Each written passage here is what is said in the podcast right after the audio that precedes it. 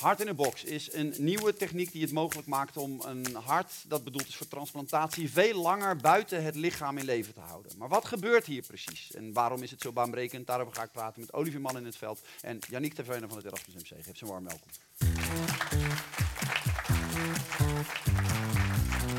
Olivier Mannenveld, Yannick Taverne. Uh, Olivier, je bent cardioloog. Yannick, bent, jij bent uh, chirurg, cardiotoracaal, congenitaal chirurg, om uh, precies te zijn. wat is het verschil? Meer letterwaarde bij Scrabble. Ja. Heb jij langer gestudeerd? Chirurgen zijn een beetje de rocksterren van het ziekenhuis. En hij, hij, hij is de denker en jij bent de, de ster, hoe, hoe zit dat in de hiërarchie? Nou, heel, heel, Olivier, helemaal niet zo. Uh, we zijn veranderd. Hij belt en ik mag opdraven. Daar, ah, oké, jij bent gewoon het, het uitvoerend voetvolk. Ja, als, uh, Oké, goed. Uh, we gaan het hebben over transplantaties van het hart. Ehm, die nieuwe methode, Hart in the Box. Maar eerst eventjes voor de mensen die daar niet helemaal in thuis zijn. Het transplanteren van een hart. Wat, wat, wat is dat precies voor een klus? Ja, dat is precies jouw werk, dus ik denk dat jij die voor je... Um, ja, e-, even checken met de, eh, de rechterlijke macht. Hè. Ja, ja. Um, nee, wat, wat, je eigenlijk uh, moet doen is um, eigenlijk heel simpel. Je haalt het oude hart eruit, je stopt het nieuwe hart erin. Dat, dat is het eigenlijk. Mm. Uh, ja. Het is, het is loodgieterijwerk wat je eigenlijk doet. je, je moet vier naden leggen, vier, vier stukken aansluiten.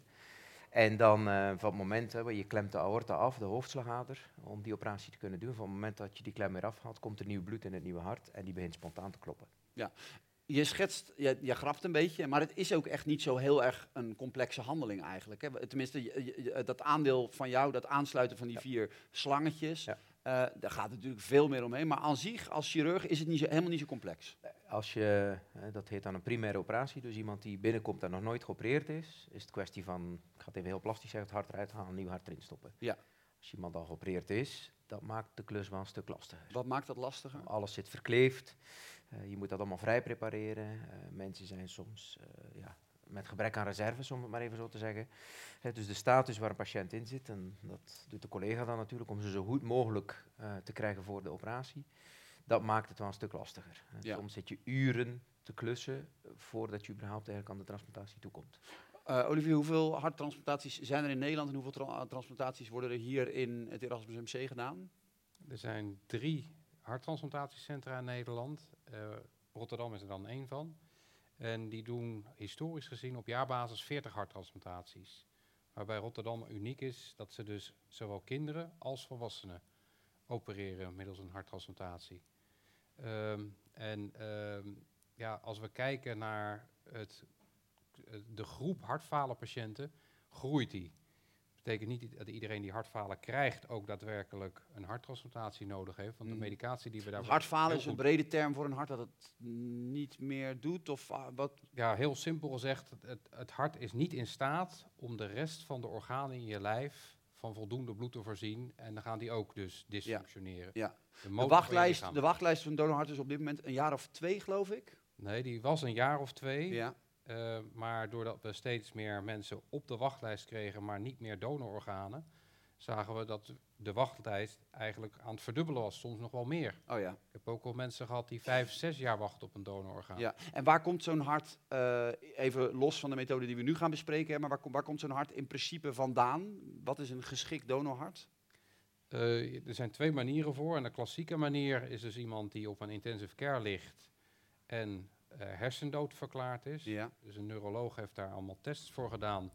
En zo'n persoon is niet meer in staat om zelfstandig te ademhalen, omdat die meest basale functie uh, eigenlijk er niet meer is. En zo iemand is dus eigenlijk bij wet al doodverklaard. Ja. Alle andere organen kunnen het nog steeds doen. Ja. Ik heb wel eens iemand horen zeggen, de ideale patiënt is dan een 19-jarige jongen die zich op zijn motor uh, tegen een boom rijdt, maar wiens lichaam dan nog heel is. Klopt dat ook? Of is dat een... Ja, als zo iemand bijvoorbeeld geen helm op heeft, ja. dronken van een trap afvalt uh, en dus hoofdletsel heeft, dan kan het nog heel goed zijn dat de rest van de organen het nog goed doen. Um, en dat zijn in die zin ideale donoren, om het zo maar te zeggen. Mm -hmm. Omdat het hart in een gecontroleerde setting door de chirurg stil wordt gezet en op ijs vervoerd. Ja. Um, en dat wordt op ijs vervoerd, niet kloppend, zodat het dus eigenlijk zo min mogelijk zuurstofverbruik nodig heeft. Mm -hmm. Maar dan gaat er wel een timer lopen, want eigenlijk wil je dat het binnen vier uur het liefst weer kloppend in de ontvanger zit. Ja, en dat hart maakt niet zo heel veel uit waar het dan vandaan komt in Nederland. Uh, maar dat moet naar een van die drie centra toe waar ze die transplantaties doen. Klopt. En dus uh, ziekenhuis de Gelderse Vallei, komt zo'n patiënt binnen, daar halen ze het hart eruit. En dan met piepende banden komen ze bij jullie aanzetten. Um, we gaan het nu hebben over hart in de box. Ja, wat is het precies, Yannick? Nou, wat... Een hart in een... Had, had, wie heeft die naam? Ik, even ja, dat, is, dat is een hele. Hart Had er niet iets creatiefs ja, ja, voor dag kunnen worden? Nee, daar gaan we het niet over hebben. Oké. Okay. um, nee, uiteindelijk, wat Olivier net zei, je hebt vier uur de tijd. Uh, soms met een heel jong hart kan je dat wel wat rekken. Um, maar dat wil dus ook zeggen dat de, de, de donoren die dus een, uh, hè, waar dus geen uitzicht van therapie meer is, waar met iedereen ook beslist wordt, ook met de familie, van kijk, we hebben geen mogelijke behandelopties meer, um, we gaan de behandeling staken, dan kon je het hart tot op heden niet meer gebruiken. Andere organen kon je wel nog gebruiken, maar het hart niet. De reden daartoe is omdat je dus uh, warmte en eigenlijk een gebrek aan zuurstof hebt voor een hart die dus gaat stoppen. En dat is lastig om dat een beetje te begrijpen, maar wat Olivier net zei van uh, de eerste situatie is het gecontroleerd, zoals we elke dag op de operatiekamer doen. En in de tweede situatie is het ongecontroleerd, namelijk het overlijden van de patiënt zelf, mm -hmm. waarbij dat er dus geen bloedsomloop meer is. Die situatie wil dus ook zeggen dat je dus um, heel veel um, ja, insulten hebt op zo'n hart. Dus als je die weer wil opstarten, kan dat niet zomaar even in een koelbox op ijs vervoeren en weer opstarten. Daar heb je een toestel voor nodig. En dat toestel, dus hart in de box, en dan vervoeren we dus een hart kloppend op bijna normale temperatuur. En dan kan je dus ook gaan kijken van, doet dat hart het eigenlijk wel? Want je, het is een grote gok om te nemen om te zeggen, we gaan een hart eruit halen zonder dat je weet als hij het doet. De eerste situatie kom je aan, voel je aan dat hart, uh, hij klopt goed. We hebben alle gegevens van, uh, van de collega's. Mm -hmm. Je hebt alles waar je kan op screenen of dat hart het goed doet. En in die tweede situatie kan het niet, want die patiënt overlijdt en dat hart stopt. Ja.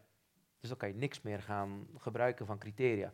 Dus je moet iets hebben om dat hart weer op te starten en te gaan kijken van, goh, goed doet hij het, knijpt hij goed, um, et cetera. En dat doen we dus met die hart in de box. Ja, we hebben daar beeld van. Uh, dat, dit is het, ja, het, het hart in een doos. Hè, zo simpel is het nou eenmaal. Mm -hmm. um, wat is dit, ik, ik, ik, zag dit gisteren voor het eerst, dit beeld. Ik, het, het, is, het is een magisch ding, hè, dat mhm. hart. Ja. Hoe, va hoe, vaak zie jij een, een kloppend hart of heb jij een kloppend hart vast?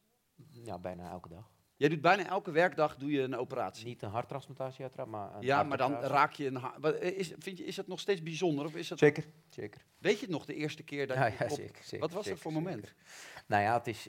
Kijk, als je zoiets vast hebt en, en zeker als je de, de studenten die bij ons komen, et cetera, als ze dan even mogen voelen aan zo'n hart, ja. ja, dat blijft magisch. De, de kracht die achter zo'n ding zit, dat is, dat is enorm. Um, want ongeveer de kracht wat zo'n hart opbouwt, is, is evenveel alsof je nodig hebt om een tennisbal in te, in te, in te knijpen. Ja. Dus dat is een enorme kracht. Um, en het feit dat dit gewoon kan functioneren buiten het lichaam om, dat maakt, ja, dat, dat maakt het nog altijd uniek. Dus het is nog elke keer als we dit doen. Doe, uh, ja, is het nou, ik bedoel, hij doet die operatie, maar je, je, ben jij, zit jij dan thuis op de bank te wachten tot hij belt van het is gelukt? Wat, hoe is jouw, heb jij ne, sta jij net zo vaak ook in zo'n, in zo'n lijf te, te vroegen? Uh, de allereerste keer dat we die hart in de box in Rotterdam deden, ja. toen ben ik gewoon net zo lang in het ziekenhuis gebleven tot het donorhart aankwam. Dus ik wilde ook zien dat dat kloppend aankwam. Want uh, de, keren dat ik uh, uh, een kloppend hart zie, dan gaat op de operatiekamer niet goed en dan word ik gebeld van wat nu? Dus ik, ik, ik, kom alleen maar in extreme gevallen erbij. Maar ja. mijn, mijn rol is beperkt in die zin dat ik krijg allerlei mensen verwezen met eindstadium hartfalen. Ik kijk of alles wat de standaard norm is, of dat gedaan is. Zowel medicijnen als nog bepaalde operaties, als met pacemakers zelfs. Uh, maar als dat allemaal gedaan is, dan komt pas transplantatie ter sprake. Um, en dan licht ik die mensen voor wat dat inhoudt, dat daar voor- en nadelen aan zitten. Maar ook om te kijken van hoe kunnen we de risico's zo klein mogelijk maken. Al die mensen krijgen een uitgebreide screening. Uh, en wordt dan multidisciplinair besproken of iemand wel of niet op die lijst komt. Maar die mensen die wachten jaren. Ja. Dus in de tussentijd vervolgen we die mensen, zorgen we dat ze in zo goed mogelijke conditie en ze blijven. kunnen ook een tussenhart krijgen, of zo, zo, zoiets toch heet Een steunhart. Een steunhart, ja, wat ja. is dat precies? Een steunhart is feitelijk een apparaat dat uh, gebouwd is door een fabrikant, ja. wat ingebouwd kan worden in het lichaam. Uh, en dat is dan uh, door ook cardiotoracaal chirurgen kan dat erin gezet worden. Aan de buitenkant van zo'n persoon zie je niks meer. Ja. Je ziet alleen dat er een litteken is van dat het borstbeen is geopereerd. En waar je navel zit, daarnaast komt een tweede navel, eigenlijk die gecreëerd is door de chirurg. En dat is letterlijk een elektriciteitsdraad die naar uh, het hart loopt. Want in de punt van de linker hartkamer, daar zit een pomp geïmplanteerd. Ja. Uh, en die mensen die lopen dus rond met een pomp, met batterijen, een soort holster hebben ze aan. Denk een beetje aan ik wilde jou vragen, waarom, waarom werkt dat niet beter dan, maar nu, eh, maar nu begrijp ondersteunt alleen de linker hartkamer. Ja, oké. En het hart heeft dus zowel een linker als een rechter hartshelft. En de rechter hartshelft die is dunner. En het apparaat is daar nu nog te groot voor om het daar goed in te implanteren. Dan klopt het hart zeg maar naar, naar binnen, omdat het hart, uh, omdat het hart eigenlijk niet die te grote pomp kan waarborgen. Ja. Hey, even terug naar die hard in de box. Wat, wat zijn de, de belangrijkste uh, voordelen hiervan voor die mensen die twee, drie, vier of misschien zelfs nog wel langer jaren op de, op de wachtlijst staan? Het grootste voordeel is eigenlijk, wat mij betreft, vanuit mijn perspectief, het is een, een, een, uh, een donorpool waar wij nooit organen uit konden krijgen. Ja. Uh, en dat doen we nu wel. En als je kijkt naar alle transplantaties, of het nou van een hersendode donor is, of van iemand die uiteindelijk overlijdt nadat het hart is gestopt, is 40% is van een hersendode donor. Uit die pool visten we. Maar in die andere 60% vissen we nu ook ja. organen. En hebben dus mensen letterlijk een tweede kans op een leven. Want 1 op de 7 die redt het niet tot aan het feit dat er een donororgaan beschikbaar komt. Het heeft een tijdje geduurd voordat jullie, jullie als in uh, hartchirurgen, cardiologen in Nederland het ook aandurfden. Ehm, in Zuid-Afrika, Verenigd Koninkrijk, zegt goed, waar is het? dus er zijn grote centra en die, die zijn eigenlijk ontstaan vanuit de afstand. Uh, zoals Canada, ehm, Australië, ja. maar ook de UK, omdat die een ander stelsel hebben dan wij, hoe organen gehaald worden. Um, die hebben eigenlijk de eerste, nou 2014, 2015, die periode zijn zij gestart daarmee. Um, en toen wilden wij, want het is, het is een dure hobby, uh, maar even zo te zeggen, um, wilden wel zeker zijn dat de resultaten goed zijn. Dus zij hebben toen hun eerste resultaten gepubliceerd over een aantal jaren, dus vijf jaar nu. en die, ja, die, die was zo goed dat wij toen ook gezegd hebben met z'n allen, dat moeten we gaan doen. Ja, en wat zijn nou goede resultaten? Nou, goede resultaten in de zin van, het mag niet slechter zijn dan wat je al deed. Dat is al één. En wat, zijn, wat zijn de indicatoren waar je dan op let? Nou, overleving, uh, eh, IC-duur, uh, eh, hoe die patiënten... Want je doet, mensen moeten kwaliteit van leven hebben daarna. Mm um, en wij hebben in Nederland alleen maar nu het gebruik van dit toestel voor dus die TCD, zoals dat heet. Dus die nieuwe pool aan donoren. Voor de donoren die hersendood verklaard zijn, gebruiken we dit toestel niet, tenzij we een indicatie hebben. Ja, maar er komt ook een financieel plaatje extra bij mhm. natuurlijk. hè. Uh, en die resultaten zijn al heel goed. Dus dan moet je van goede huizen komen om te zeggen van oké, hoeveel winst gaan we maken om die patiëntencategorie er nog eens bij te doen met een hart op de pomp. Echter, veel patiënten zijn ook zieker, leven langer na een eerste, tweede, derde, vierde operatie. Vanuit mijn vakgebied dan vanuit aangeboren hartafwijkingen. Die patiënten die leven nu tot een bepaalde categorie leeftijd wat ze eerder niet deden. Mm en die komen nu ook in een bepaalde marge dat je denkt, ja, die gaan waarschijnlijk ook voor een harttransplantatie in. Ja, ja. Van, nou, jullie zijn nu twee jaar bezig in Nederland hiermee. Vanaf 1, januari 2024 uh, eh, wordt het vergoed, hm. geloof ik, hè? heb ik correct. Um, wat, wat, hoe lang doe je ermee met zo'n hart? Gemiddeld genomen nu 16 jaar. Oh, want ik dacht van het is een soort van nieuw apparaat en dan kan je weer je leven door alsof er niks gebeurd is, maar zo simpel is het niet. Nee, maar dat heeft allemaal te maken met het feit dat de medicijnen die je na transplantatie nodig hebt. Hij deed alsof het zo makkelijk was hè, met die vier slangetjes. Ja, maar dan ga jij aan de slag en dan blijkt het toch iets complexer te zijn. Ja. Nee, maar de medicijnen die, die hebben een specifieke werking om je eigen afweersysteem te onderdrukken. Zodat je je eigen, of tenminste je donorhart niet afstoot. Uh, maar er zitten ook bijwerkingen aan die medicijnen. En die bepalen dan onder andere of je uh, daarmee in de problemen komt. Je, je kan nier, nierfunctiestoornissen krijgen, botontkalking, je kan uh, infecties krijgen die niet meer goed gecontroleerd mhm. worden. Je kan ook kanker krijgen. Dat is het nadeel van je eigen immuunsysteem onderdrukken, omdat dat ook echt specifiek een functie heeft. Zoals we hier allemaal zitten. Als je een infectie krijgt, kan je eigen afweer dat goed aan. Maar ja, dat, daar zijn we dus heel goed om, om dat te, te onderdrukken. Je bent levenslang afhankelijk van dit soort medicijnen. En dat is de keerzijde. Jullie weten natuurlijk nog niet op basis van het onderzoek of die 16 jaar verlengd wordt of niet met het gebruik van deze machine, want zo lang bestaat de machine nog niet. Uh, wat is de verwachting daarover? Ik denk niet dat, dat deze machine veel zal uitmaken in de termijn van het hart. Hè, hoe lang mhm. het meegaat in die patiënt, omdat dat afhankelijk is van de factoren wat, uh, wat Olivier net zei. Het feit is wel dat je dus je donorpool kan vergroten. We zien nu ook dat de wachtlijst eigenlijk stabiliseert sinds de intrede van deze uh, techniek. Plus het feit, je, je range waar je, ik ga het even heel plastisch zeggen, waar je een hart kan halen, die verruimt nu ook. want als je ten opzichte van de eerste techniek, als je binnen de vier uur kloppend in een ontvanger zo'n hart moet hebben, ja. dan wil ook zeggen dat je niet te ver kan gaan. Mhm. Als je dus nu zo'n toestel ook de twee technieken, dus uh, donoren, maar ook stopt het uh, wanneer de therapie gestopt wordt.